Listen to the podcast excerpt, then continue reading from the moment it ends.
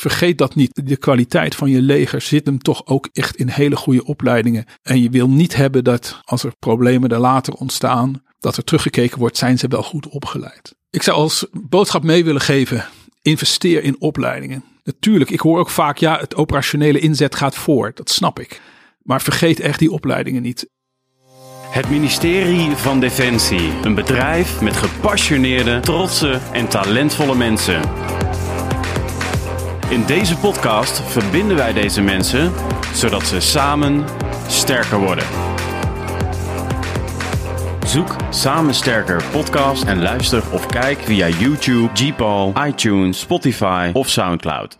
Leiderschap en besluitvorming zijn menselijke handelingen die effectiviteit van inzet bepalen en de mens is ook waar het om draait in de studie van Combat Experience. Studie vanuit de mens levert zelfkennis op en stimuleert reflectie en gezonde twijfel, die uiteindelijk leidt tot inzicht. Clio leert Mars, en dat mag je zo nog even toelichten, voor de luisteraar de wereld beter begrijpen. En dat levert de militaire organisatie Thinking Soldiers op. Deze tekst is, zoals gezegd, een bewerking van de oratie uitgesproken op 1 maart 2018 in Breda bij de aanvaarding van het ambt van hoogleraar militaire geschiedenis aan de Nederlandse Defensie Academie. Welkom in de Samen Sterke podcast, tot mijn groot genoegen, professor Dr. Wim Klinkert.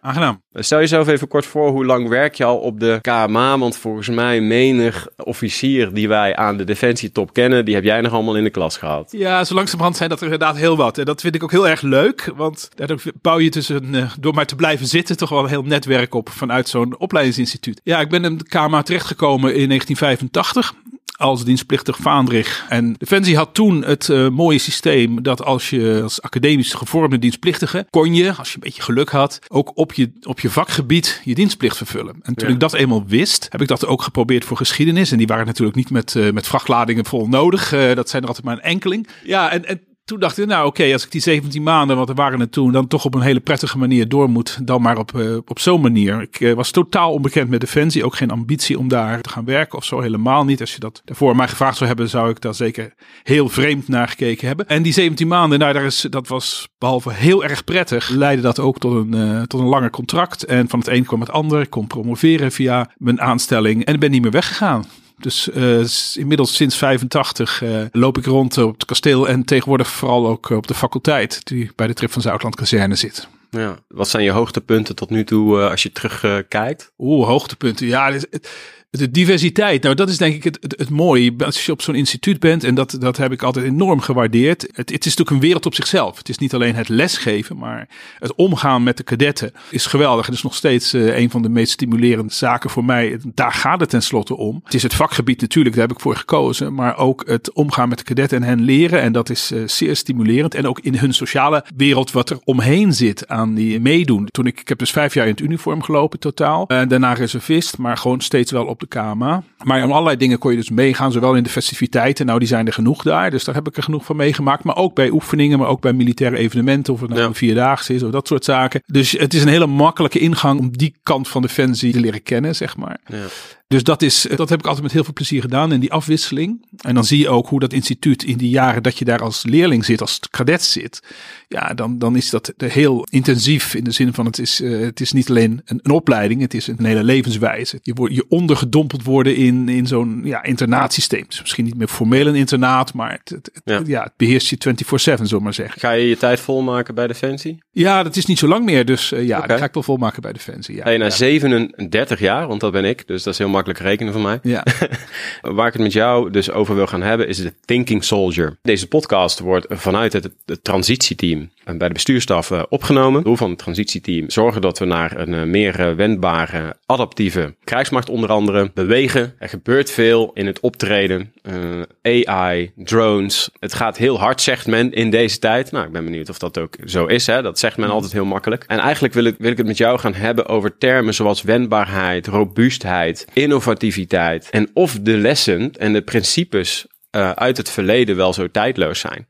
Wat kunnen we wel uit het verleden meenemen en wat eigenlijk niet? En ja, gezien het feit dat uh, zaken zoals de muur, de Eerste Wereldoorlog en nu ook Oekraïne toch minder voorspelbaar bleek dan gedacht, ben ik benieuwd naar uh, jouw visie, Wim, op het geheel. Nou, eigenlijk is mijn eerste vraag: geleerde lessen uit het verleden, zijn dat een voorspelling van de toekomst? Was het maar waar, was het maar waar, kon dat maar zo makkelijk. Ja, het wordt natuurlijk vaak gezegd, waarom, waarom is geschiedenis een belangrijk vak? Ja, daar kun je lessen uit leren voor, voor de toekomst. Dat is eigenlijk ook een beetje de, de reden waarom een geschiedenis ook altijd wel in defensieopleidingen gezeten heeft. Hoewel dat in de tijd ook wisselend is geweest hoor. Dus sommige tijden is het heel weinig, sommige tijden wat meer. Maar dat idee, en daar speelt dan ook mee het idee dat je als, als militair, als officier, je eigenlijke beroep, het uitoefenen daarvan, hopelijk en waarschijnlijk, maar heel weinig doet.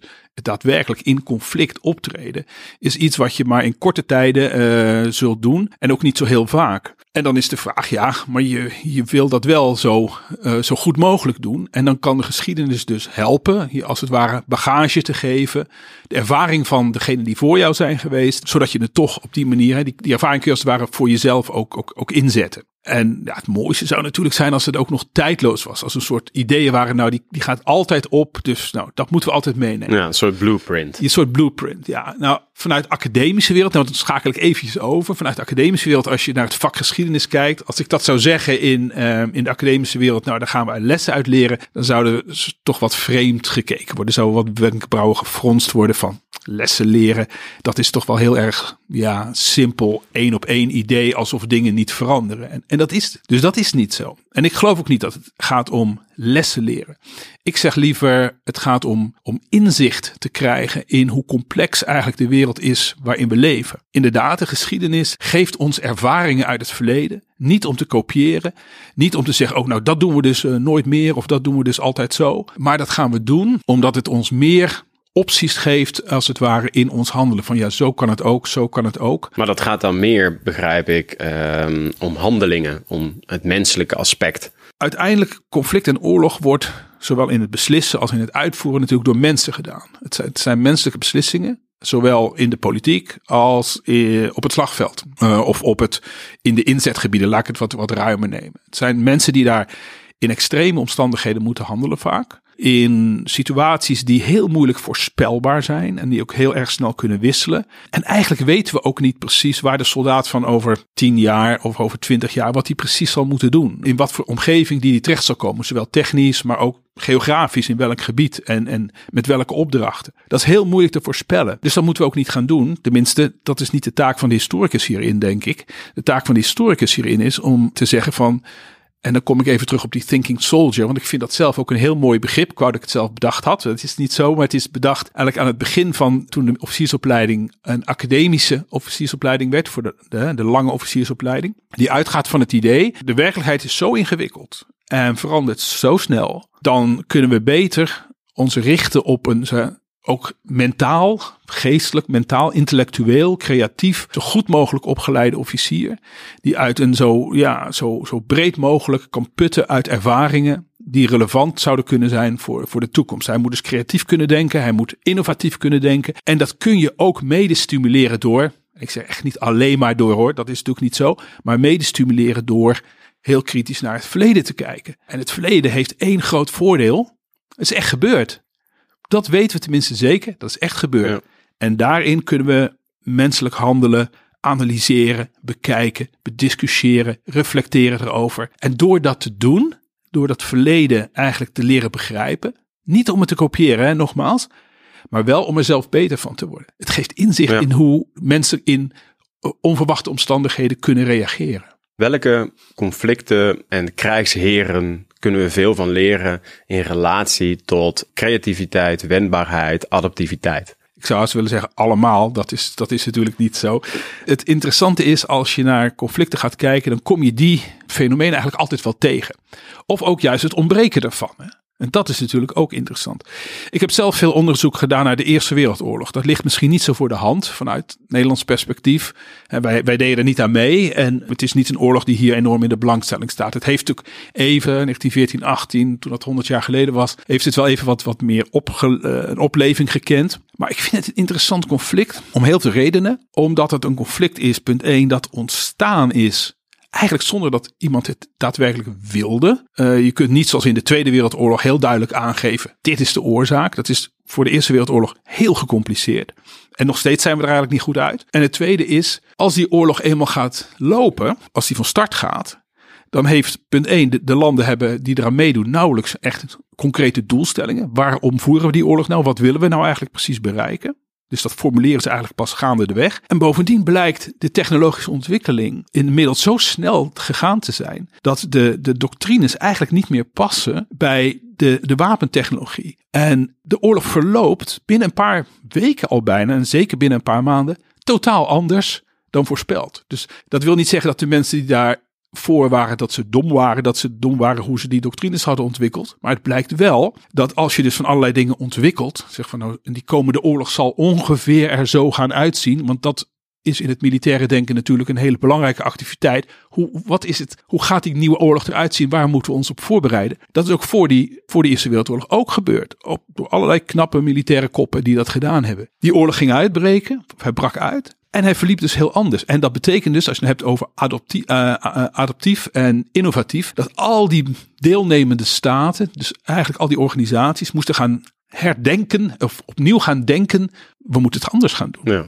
En nou, dat heeft geleid tot vier jaar lang dramatische oorlog met miljoenen slachtoffers. Ja. Dus eigenlijk zeg je, plan maken, wat ze toen deden aan de voorkant, uh, maakt men eigenlijk blind. En daardoor verkrampt men op het moment dat het helemaal anders gaat.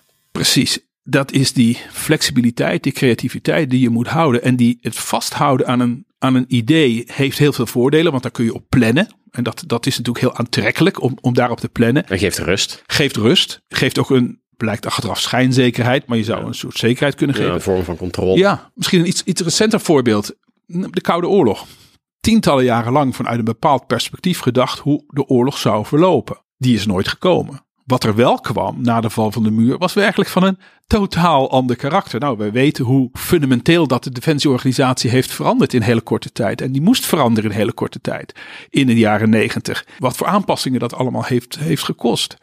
Met het idee van, nou, de oorlog van, van de Koude Oorlog Zo'n soort oorlog, waar we toen op voorbereiden, nou, dat zal echt niet meer voorkomen. We zitten nu in Oekraïne en dat vertoont allemaal kenmerken van wat we eigenlijk dachten dat niet meer zou voorkomen. Ja. Met andere woorden, als historicus, dit is de complexiteit waarin we leven. Dit is de werkelijkheid. Geschiedenis kan helpen.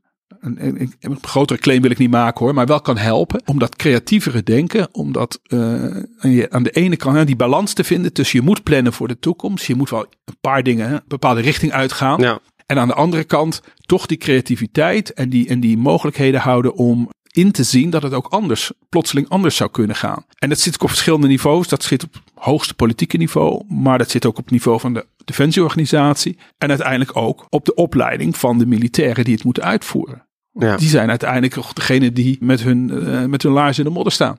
Want als jij in twee zinnen zou moeten zeggen wat het doel is van een militair historicus binnen de academische opleiding. Ja, dan denk ik dat het doel is van de historicus binnen de academische opleiding is tweeledig. Het gebruik van geschiedenis binnen de defensieorganisatie. Het is, dat is eigenlijk, dat gebeurt veel. De historicus moet er in ieder geval op toezien, denk ik, dat het ook goed gebeurt. Dat als je bijvoorbeeld historische voorbeelden gebruikt, dat je ze goed gebruikt. Want uh, met geschiedenis kun je heel makkelijk manipuleren. Historische voorbeelden worden vaak gebruikt natuurlijk van kijk, toen ging het zus, daarom moeten we nu dit doen. Als historicus zeg ik van nou, ik kan naast dat voorbeeld nog twintig andere leggen die het tegendeel bewijzen. Geschiedenis is zo rijk en zo divers dat je er alles mee kunt bewijzen wat je wil. Dus dat schiet niet op. Als je een historisch voorbeeld gebruikt, moet je heel duidelijk maken wat wil je er eigenlijk mee. En ook laten zien dat je daarmee kritisch kan omgaan.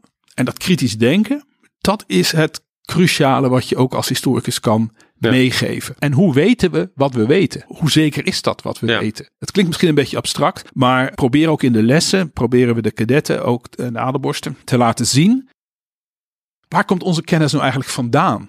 En waarom, waarom zeggen we wat we zeggen? Want daar zit vaak ook weer een boodschap achter. Of, een idee achter. En dat is wat je als historicus doet. Ik wil gelijk ook bij het zeggen als militair historicus. De defensieorganisatie investeert ook veel. Uh, en dat doen vooral mijn collega's uh, bij het, Nederlands Instituut voor Militaire Historie in Den Haag. Om uit te zoeken wat de Nederlandse krijgsmacht op een verantwoord academische manier verantwoording af te leggen wat de Nederlandse krijgsmacht gedaan heeft. Het zijn grote projecten geweest de afgelopen jaren. Recent dat Indië-project, wat natuurlijk heel veel in de belangstelling is geweest. Nu wordt Afghanistan op een hele grondige manier wordt dat, uh, wordt dat onderzocht. Er komt ook een aantal boeken uit voor de komende jaren. Dat geschiedenis door de Defensieorganisatie ook gebruikt wordt als een verantwoording afleggen aan de mensen zelf die het uitgevoerd hebben en aan de maatschappij als geheel die tenslotte betaalt. Ja. Ik vind dat heel mooi dat dat veel professioneler gedaan wordt dan in het verleden. En daar, is, daar heb je ook een rol als militair historicus in. Het ligt er natuurlijk net aan met welk doel je het onderzoek doet. Hè? Dus doe je het met, uh, als verantwoording hè, naar de mensen. En over Afghanistan, ik ben er zelf ook geweest, er wordt natuurlijk een hoop over geroepen. Er zijn mensen die vinden het zinloos. Of doe je het met als doel om een voorspelling te kunnen doen in een opleidingscontext. En wat kunnen we ervan leren? Hè? Dus er zijn allerlei manieren natuurlijk. Als we kijken naar de onvoorspelbaarheid van ja, conflicten eigenlijk. 9-11, dat ontstond ineens. De Eerste Wereldoorlog, dat ging helemaal anders. De muur, uh, wat je net al aangaf. Als we kijken naar Oekraïne op dit moment, wat is jouw visie daarop? Het was, ook, het was er ook ineens. Ja. Een hoop mensen die hadden voorspeld dat het niet ging gebeuren. Hoe kijk je daar op dit moment naar? Als ik naar Oekraïne kijk, ik vind het ongelooflijk treurig als je die verwoesting van, van zo'n land ziet. Ik denk een aantal zaken. Het drukt ons, denk ik, weer eens nadrukkelijk op, op de feiten dat oorlogvoering, hoe vernietigend dat kan zijn. En dat dat dus ook nog steeds kan gebeuren op ons eigen continent. Ik denk dat dat, als ik, als ik even terugdenk, als ik mezelf ook opgegroeid een beetje in de Koude Oorlog, ook als student en zo, gedacht ook als geschiedenisstudent. Van nou, zoals Europa nu is, dan is het voor de rest van mijn leven zal dat niet meer veranderen. Die muur, dat is zo permanent. Dat gaat echt niet niet meer veranderen. Nou, binnen een paar jaar was het weg. Dan krijg je dus die andere situatie, die situatie van het Europa zoals we dat uh, de afgelopen decennia gekend hebben. En dan plotseling komt daar weer iets in terug wat eigenlijk aan het verleden doet denken. En een land dat een ander land binnenvalt op basis van trouwens ook heel veel zeer dubieuze historische redeneringen. Interessant gebruik van geschiedenis, misbruik van geschiedenis. Dat dat doet op een manier die we eigenlijk als, van ja, dat kan eigenlijk niet meer zo ouderwets in zekere zin, ouderwets zien, omdat je ook weer loopgraven ziet. Nou, toen had ik helemaal het idee van, wow, dit is toch wel heel bijzonder. Dat had ik ook zelf niet gedacht, dat je die echt die hele klassieke loopgravenoorlog weer terug zou zien, die ik uit de Eerste Wereldoorlog, uit, die, uit dat onderzoek uh, natuurlijk wel redelijk Ja, de landcomponent is behoorlijk ja, aanwezig, hè? Behoorlijk aanwezig en, en dat is bijzonder. Tenminste, dat is ook in mijn ogen onverwacht. En ik vind het heel moeilijk voorspellen hoor, hoe dat zal verder gaan. Dan moet ik ook naar andere deskundigen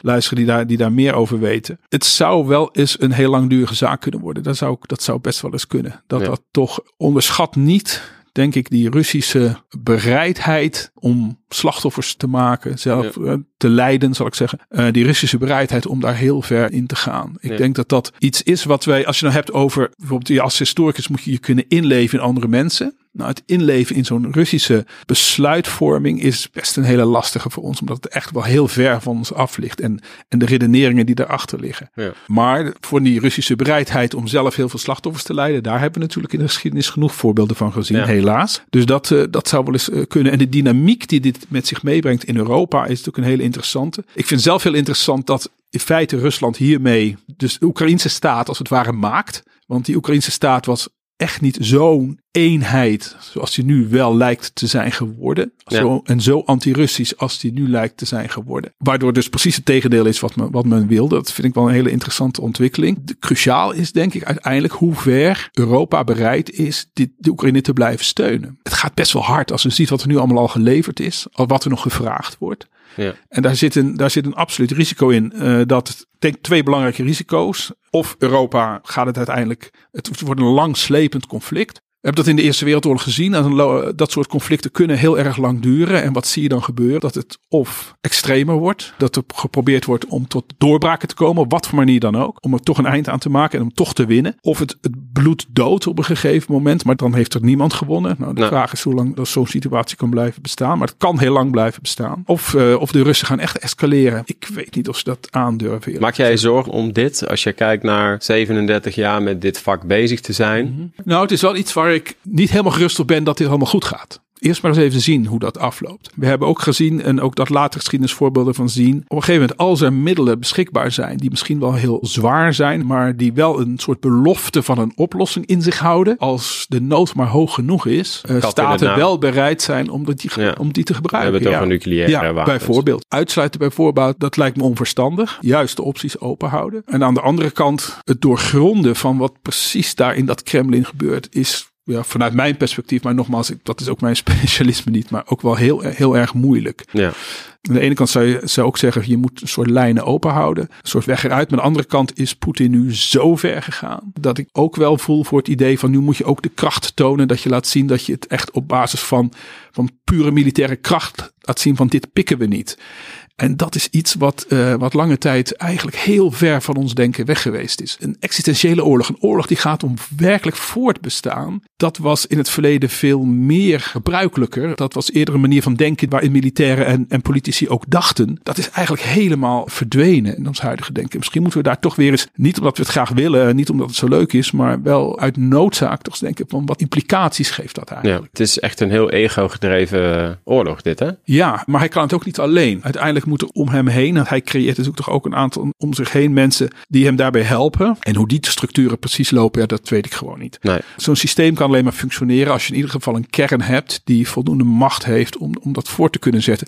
En uiteindelijk ook de, de fysieke mogelijkheden om, om dat voor te zetten. Zo'n land moet het wel kunnen opbrengen. Ja, zeker. Je kunt heel ver gaan met dwang. Die bevolking kan heel veel hebben, ja. maar er, er zijn natuurlijk uiteindelijk grenzen. Maar ja, op dit soort algemene dingen kun je natuurlijk niet een oorlogsplanning precies maken. Nee. Er was een uh, rapport uitgekomen in relatie tot dit conflict uh, door de Hague Center of Strategic Studies. Uh, ik vat ze even samen, waarna we weer eigenlijk het bruggetje kunnen slaan met de Thinking Soldier. Adaptief vermogen is de sleutel tot militair succes, kwam er naar voren. De Oekraïnse strijdkrachten hebben hele korte en snelle leercycli, maar net zo goed de Russen die passen zich ook goed aan. Het voortzettingsvermogen is een kritieke randvoorwaarde. In makkelijkere taal hebben we het over het aanvullen van voorraden, logistieke zaken, etc. Nou, de cyber- en uh, elektromagnetische oorlogsvoering hebben een grote impact. Het verstoren van radioverkeer en datacommunicatie, internet en GPS. Onbemande systemen, drones hebben een belangrijke operationele waarde in het kader van inlichtingen, waarneming, etc. Nou, de oorlog, wat we net al aangeven, kent dus een zware landcomponent. Wat weer terugkomt, hè, dus de infanterie, tanks, uh, artillerie. Maar inzicht in, in de tegenstander is van groot belang. Maar andersom ook. Elkaar kennen, weten van elkaar, wat de volgende stap gaat zijn. En dat is dan gelijk ook weer de stap naar thinking soldier eigenlijk. Als je nu kijkt, Wim, naar hoe jullie officieren opleiden, met de wetenschap wat je net al zei, dat de enige constante is verandering. Dus we kunnen wel naar het verleden kijken. Maar als ik jou goed begrijp, leiden jullie eigenlijk kadetten op om creatief, wendbaar, adaptief te blijven omdat je weet uit het verleden dat niets voorspelbaar is. Ja. Zeg ik dat zo goed? Ja, dat zeg je goed. Waarbij ik wel wil zeggen dat die ervaringen uit het verleden. Nu duurt het uh, 30, 40 jaar om vliegtuigontwikkeling te doen. Dan heb je wel iets goed, maar je hebt er natuurlijk maar heel weinig. Dat is een ontwikkeling die wij uh, de laatste tientallen jaren zijn ingegaan. Dus minder, maar van veel hogere kwaliteit. En dat is wel een grote verandering met in het verleden, waar je zag steeds meer. De kwaliteit hoeft niet super te zijn als je maar heel veel hebt. Dat is ook wat je bij de Russen eigenlijk ziet. Ja. Als je maar heel veel hebt, dan is het niet zo nodig. Dat hoeft het niet heel goed te zijn. Als je maar net genoeg overhoudt. Ik denk dat Oekraïne zal ongetwijfeld weer tot nieuwe denkwijzen gaan leiden over hoe we met dit soort problemen moeten omgaan. En welke fenomenen uit die oorlog dan gezien worden als toekomstbestendig. Van oké, okay, dit is dus blijkbaar dan toch de toekomst van de oorlog. Hoe moeilijk dat dan ook te voorspellen is, maar dat zal best wel gebeuren, dat soort voorspellingen. En het andere zegt, dit vind ik ook wel een hele interessante, is de relatie tussen de maatschappij en de krijgsmacht. Die relatie is, denk ik, die is toch wel veranderd. Uh, ik denk dat de tijd van een dienstplichtleger, het moet zelf nog uit voort. En de ene kant, het gekke is, toen was defensief bepaald niet populair. Tenminste, als ik mijzelf herinner, wie wilde er nou in dienst gaan? Dat was nou niet echt het beste. Nee. Ook in de studentenwereld werd dat niet gezien als, uh, als iets heel uh, aantrekkelijks. De, de bekendheid van die maatschappij met de krijgsmacht. Ik denk dat daar wel iets op is De krijgsmacht zit ver buiten de steden. In het westen van het land kom je nauwelijks meer tegen. Het is kleiner geworden, dus veel minder mensen hebben ermee te maken. Veel meer families speelt het een rol. Veel minder hebben persoonlijke ervaringen ermee. Die band van de krijgsmacht met de samenleving. Terwijl de inzet van die krijgsmacht wel veel meer discussie is dan in de tijd van de Koude Oorlog natuurlijk. Want nu moeten belangrijke beslissingen genomen worden. Dus dat is wel veranderd. Maar de persoonlijke betrokkenheid geldt maar voor veel minder mensen. Niet dat ik daar een oplossing voor heb. Daar zie ik wel een verschil. Want die, dat het moment dat we naar een beroepsleger zijn gegaan. Dat je er toch wel op bewust moet zijn dat die, dat, dat beroepsleger maar voor heel weinig mensen direct re relevant is. Ja. En in een dienstplichtleger is dat natuurlijk heel anders. Terwijl het relevanter dan ooit is. Ja, Uh, en ja. daarom ben ik ook benieuwd naar, en ik wil dan dadelijk ook even inzoomen op de Battlefield Tour. Hè? Sinds de jaren 80 gebeurd. Maar stel dat alles mogelijk was. Jij zat een maand op de stoel van de CDS. Je geeft aan, oké, het is relevanter dan ooit het leger. Maar het leger is kleiner. Alles is technologisch, is het allemaal complexer, et cetera. Wat zouden jouw tips zijn aan het Nederlandse leger en aan de maatschappij. Wat zouden we moeten doen? Dat is een hele grote vraag. Ja, dat is een hele grote vraag, zeker. Ik denk als Oekraïne, dat zet je wel weer eens aan het denken. Eigenlijk die toekomst van die krijgsmacht en denk ik nog steeds veel verdere internationale samenwerking gezocht moet worden. Die technologie, als ik net al zei, wordt, wordt zo duur. Als je daaraan gaat tornen en binnen een bondgenootschap, oké, dan kan dat in zekere zin, dan ga je, dan overleg je ook met elkaar en dat gebeurt ook en uh, dat, dat vindt ook allemaal plaats. Uh, de vraag is hoe, je, hoe ver je daarmee kunt gaan en hoe ver je uiteindelijk ook in productie en in, in samenstelling van je krijgsmacht moet kijken van wat doen we nog wel, wat doen we nog niet. Ja. De illusie dat we ons eigen land kunnen verdedigen, dat, die zijn we wel, uh, dat kan niet meer. Je moet het echt Europees zien. Daar is geen andere oplossing voor. Dus die schaalvergroting is heel duidelijk. De uiterste consequentie van die schaalvergroting is dat je dat ook eindelijk, uiteindelijk helemaal gezamenlijk gaat doen. Nou, ik zie dat voorlopig nog niet gebeuren. Dus dat, dat gaat alleen maar met, met kleine... Waar ligt dat aan?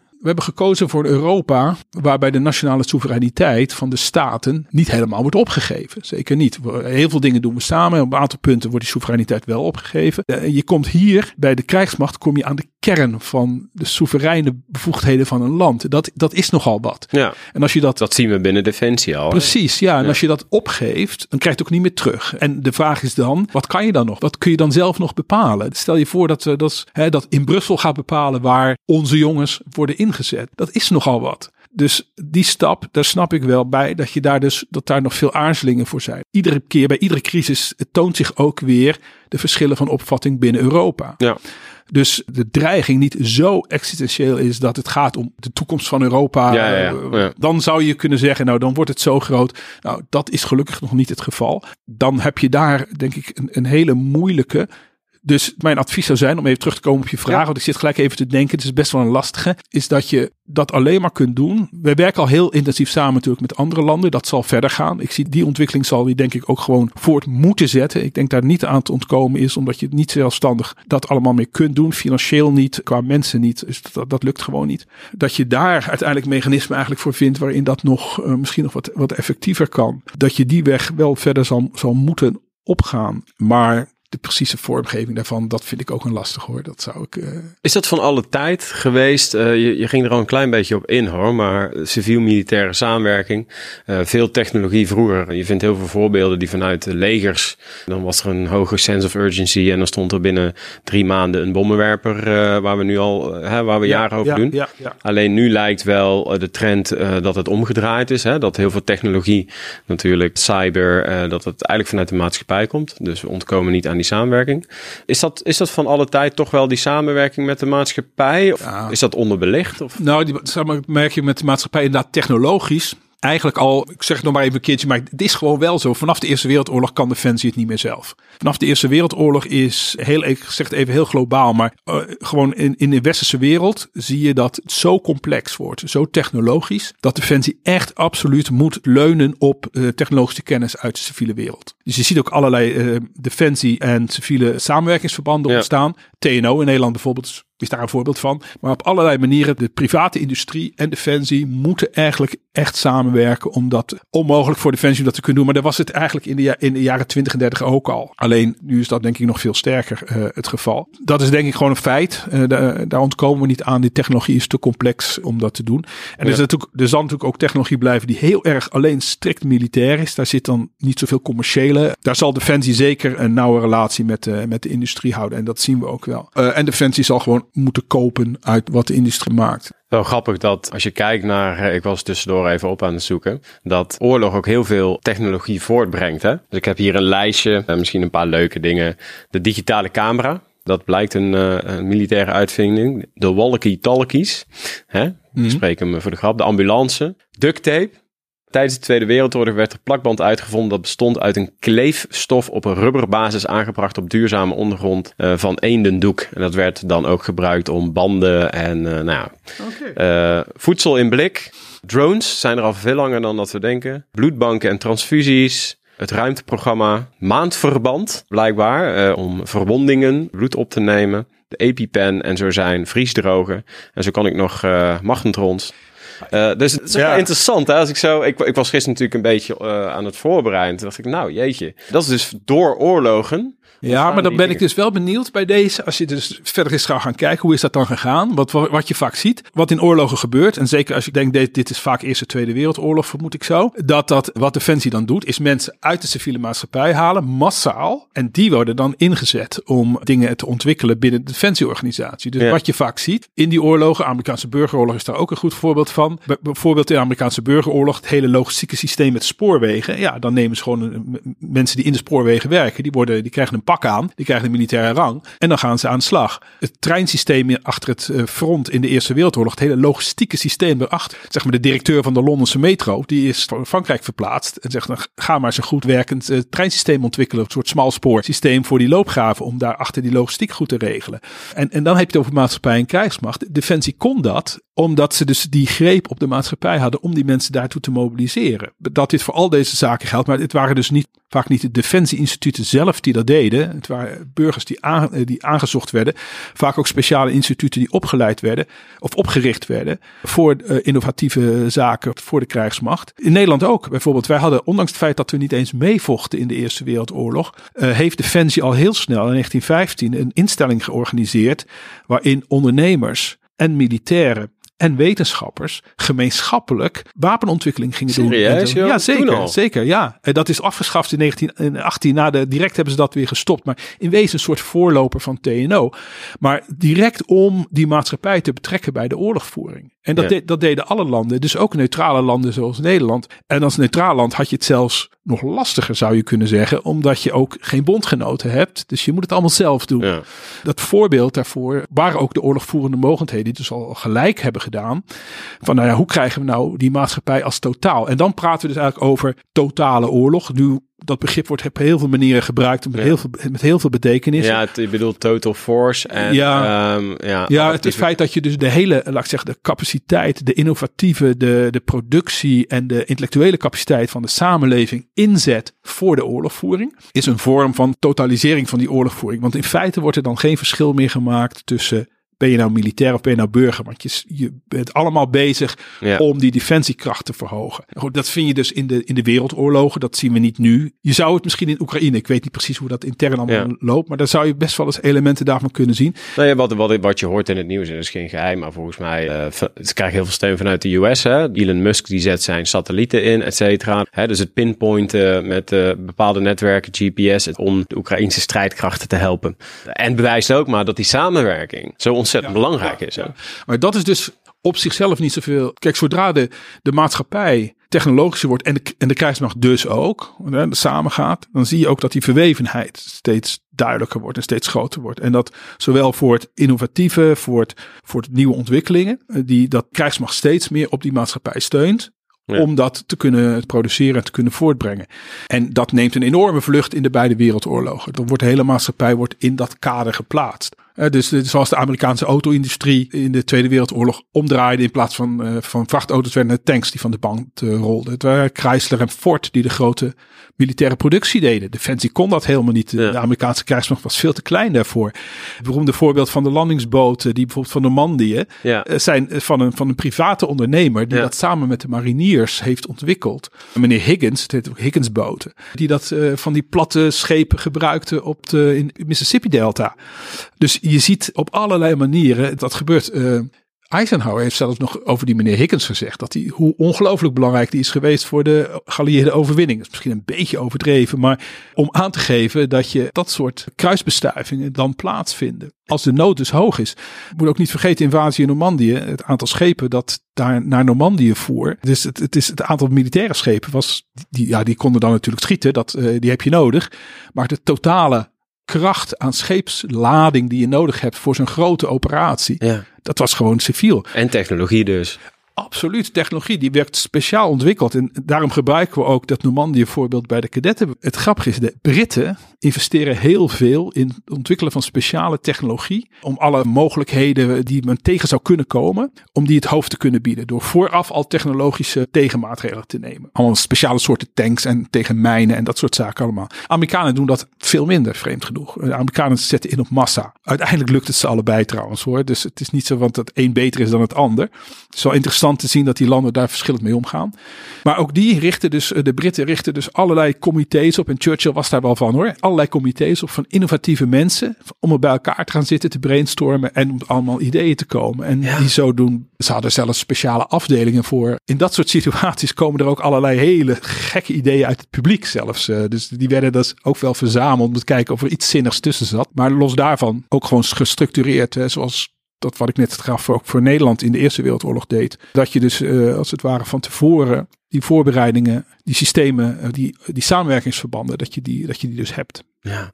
En ik maar denken, hè, echt waar. En ik denk ook heel veel mensen uh, die, die, die luisteren, dat technologie en de maatschappij erbij betrekken echt van deze tijd is. Maar dat is gewoon altijd al gebeurd. Dat is altijd al geweest. Heeft Defensie daar dan mee lopen pronken? Of? Het probleem van die technologie is zeker de defensietechnologie, dat dat je hebt het heel erg snel nodig en heel veel in oorlogstijd. Maar in vredestijd, ja, wat dan? Dan wil je er eigenlijk op bezuinigen. Dat, is, dat is ook niet typisch iets Nederlands. Dat zie je overal wel. Dat is een, nogal conjunctuurgevoelig. Aan de hand van als het nodig is, dan heb je veel nodig over het algemeen. En als het niet nodig is, ja, dan, dan blijft het een beetje liggen. En dan kan je het ook niet verkopen. Moet je kijken wat je ermee kunt doen.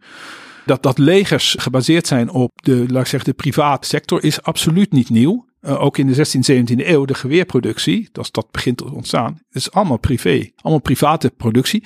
Later gaan staten dat dan nationaliseren. Het probleem is alleen dat dat zeer verliesgevende productie is. Ja. Zoals ik al zei, je hebt er soms heel veel nodig en tijdenlang heel weinig. Ja. Het is heel, heel lastig om dat economisch een beetje rendabel te maken. En daar zit een groot spanningsveld ook als je praat over het begrip wederkerigheid. Hè?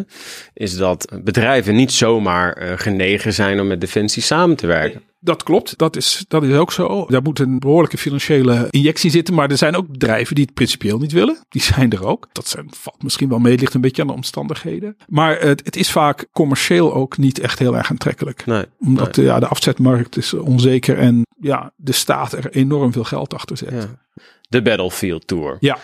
Um, ik vat hem even samen wat we tot nu toe hebben besproken.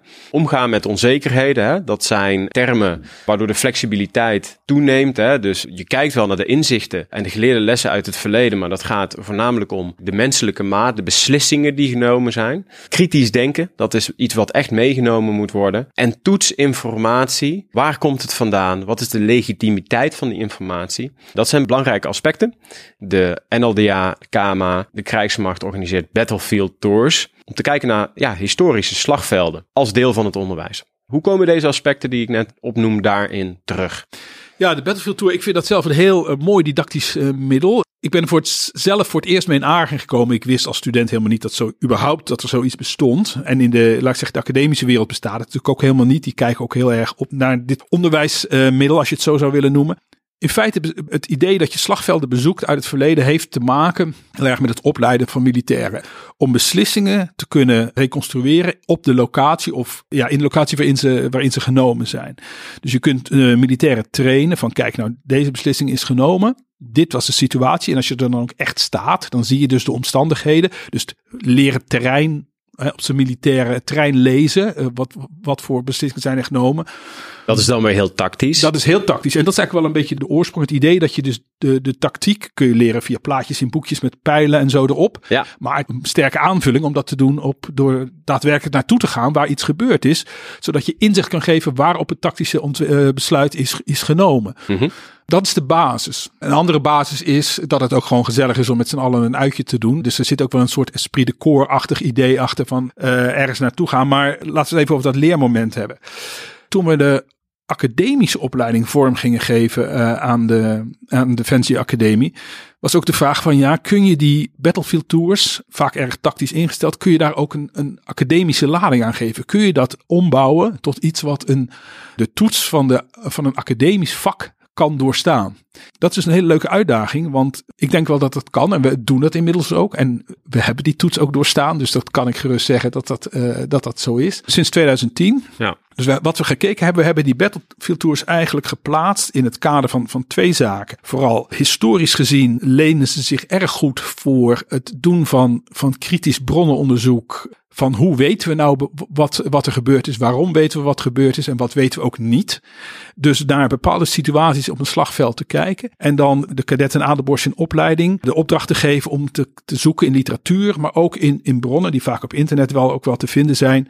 Om die situatie te analyseren. En dan kunnen ze dus ook zelf zien welke bronnen zijn nou betrouwbaar, welke niet. Waarom wordt op die manier in boeken erover geschreven. En dus dat is het, het kritisch denkvermogen op die manier te ontwikkelen. Ja. De thinking soldier. De thinking soldier. En aan de andere kant het ook laten inleven in die situatie zelf. Om door, door erheen te gaan. Door in te leven in wat daar dan daadwerkelijk gebeurt en beslist is.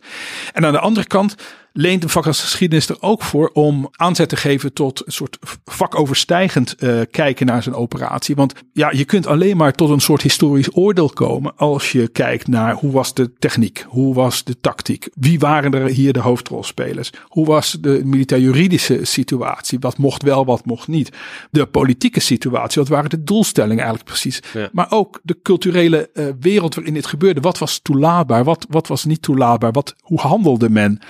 Spanningen zoals nu, hè? inflatie, precies, het duurzaamheid. Is, het is allemaal, je kunt pas uiteindelijk tot iets, tot iets komen als je dat als geheel ziet, want de werkelijkheid is zo complex. En die integratie van die verschillende visies, wat er dan uiteindelijk gebeurde, leidt ertoe dat we de vraagstellingen in zo'n Battlefield Tour dus niet alleen doen van welk peloton zat rechts van de weg, welk peloton links. Dus echt tactische elementen, die zitten erin en die moeten er ook in zitten. Maar dat je bijvoorbeeld ook kijkt naar, bijvoorbeeld waar we het over hadden, de wapenproductie. Wat voor wapens zetten ze dan in en waarom werden die ingezet? Maar ook ethische vraagstukken. En ook hoe behandelde men uh, krijgsgevangenen, uh, oorlogsmisdaden. Maar ook hoe worden slagen herinnerd. De monumenten. De, die monumenten zeggen ook veel over hoe we er naar kijken. Ja. Uh, ter erevelden. Dus al dat soort elementen.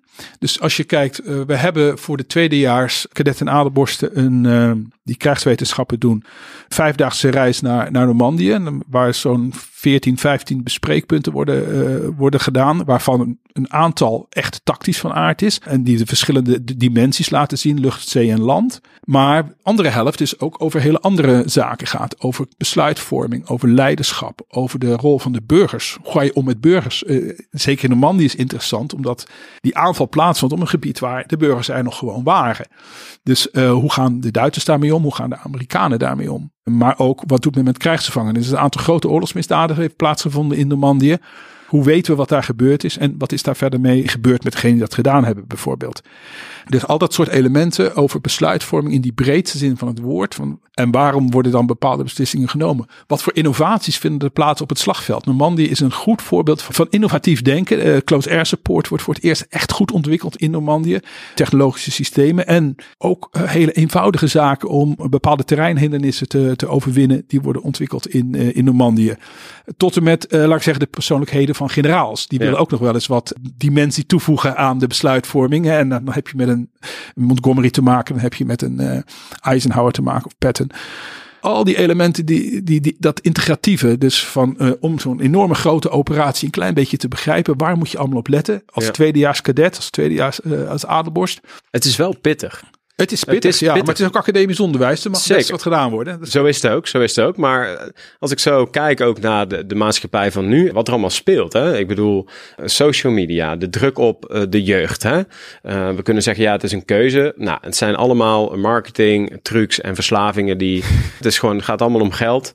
De inflatie, de duurzaamheid, daar wordt veel over gesproken. Dan de druk ineens van Oekraïne. Dus je moet echt, dan heb je space nog, het element space, wat er tegenwoordig bij komt. Dus je moet echt van, niet van een 2D, 3D, een 4D uh, manier moet je naar de wereld kijken. En dan komt eigenlijk alles wat er maar in, invloed kan hebben op die piramide van Maslow, die stabiliteit van het thuisfront van de militair. Alles speelt mee in het conflict. Ja. En dat was ook gisteren toen ik me voorbereidde op dit interview. Trouwens een paar dagen, maar gisteren dacht ik ineens bij mezelf. Moeten we het begrip oorlogsvoering niet herdefiniëren? Het is inderdaad heel complex. En ik denk dat dat, dat steunt ook wat jij nu zegt. Het idee dat binnen de krijgsmacht gezegd wordt. Uh, officieren moeten een academische opleiding hebben. Dat heeft meer met denkvermogen en uh, dat adaptief en innovatief vermogen te maken. Dan zozeer met daadwerkelijk kennis alleen. Want met kennis alleen ben je er niet. Je moet verbanden zien. Je moet creatief kunnen zijn.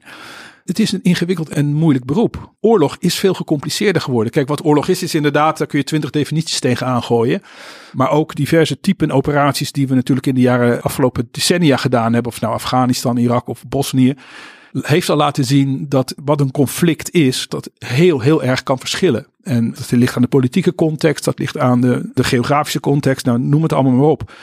Dat maakt de opleiding des te belangrijker. En ik vind het wel eens een moeilijk punt. Aan de ene kant wordt veel in de opleidingen geïnvesteerd. In de zin dat zo'n defensieacademie die er dus in Breda is.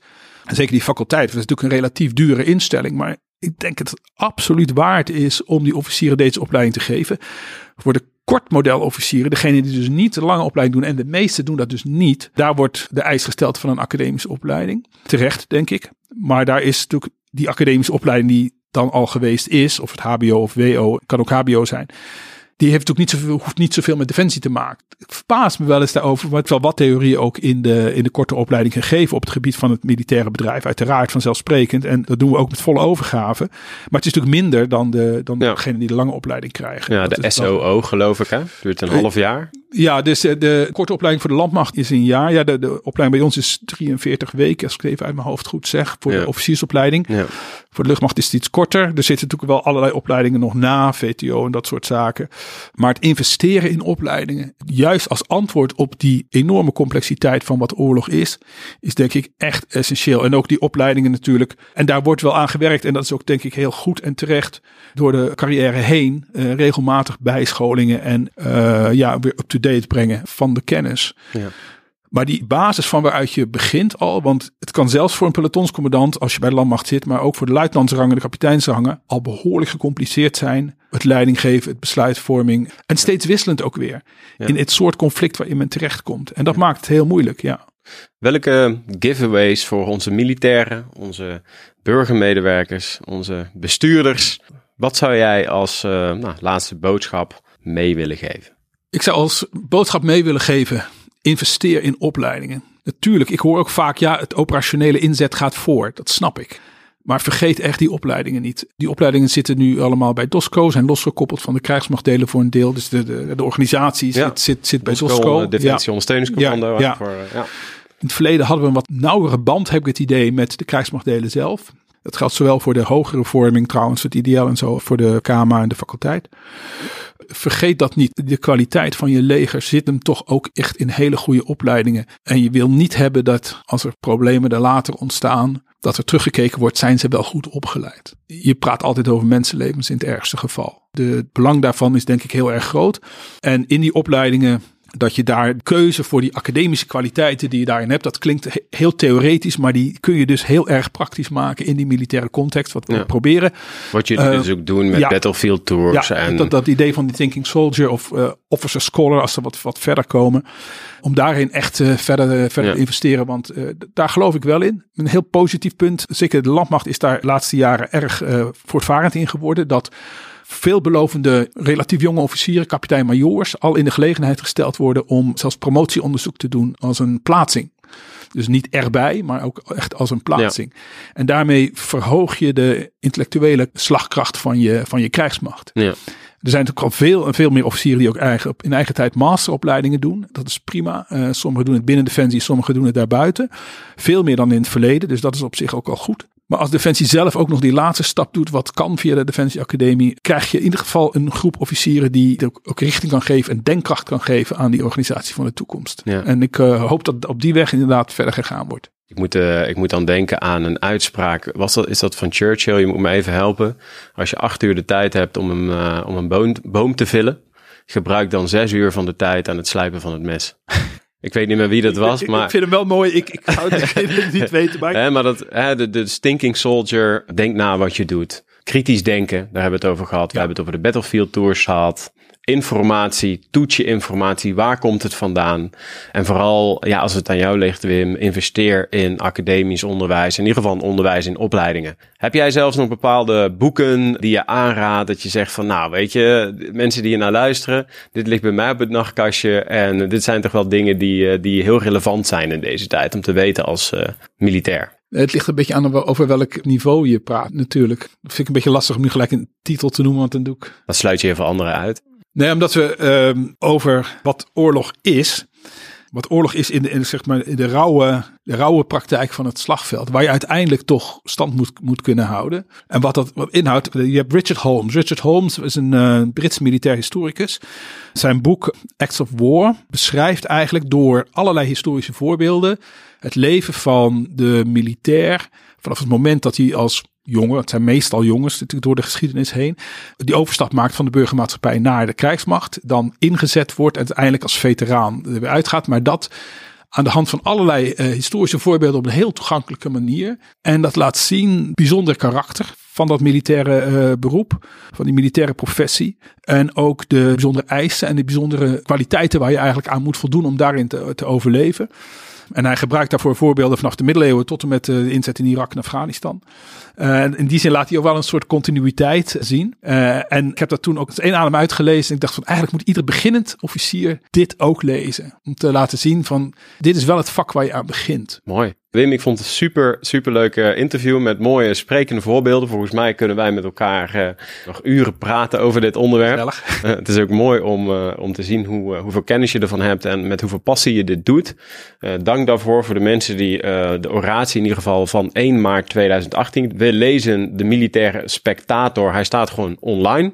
Het is een, het is een zeer interessant stuk wat ver teruggaat in de geschiedenis met allerlei prachtige voorbeelden, krijgsheren, uh, situaties. Uh, The Thinking Soldier, uh, dat is niet de, de volledige titel, maar daar gaat het dus over. Um, dankjewel Wim. Graag Hartstikke leuk. Thanks. Mijn plezier.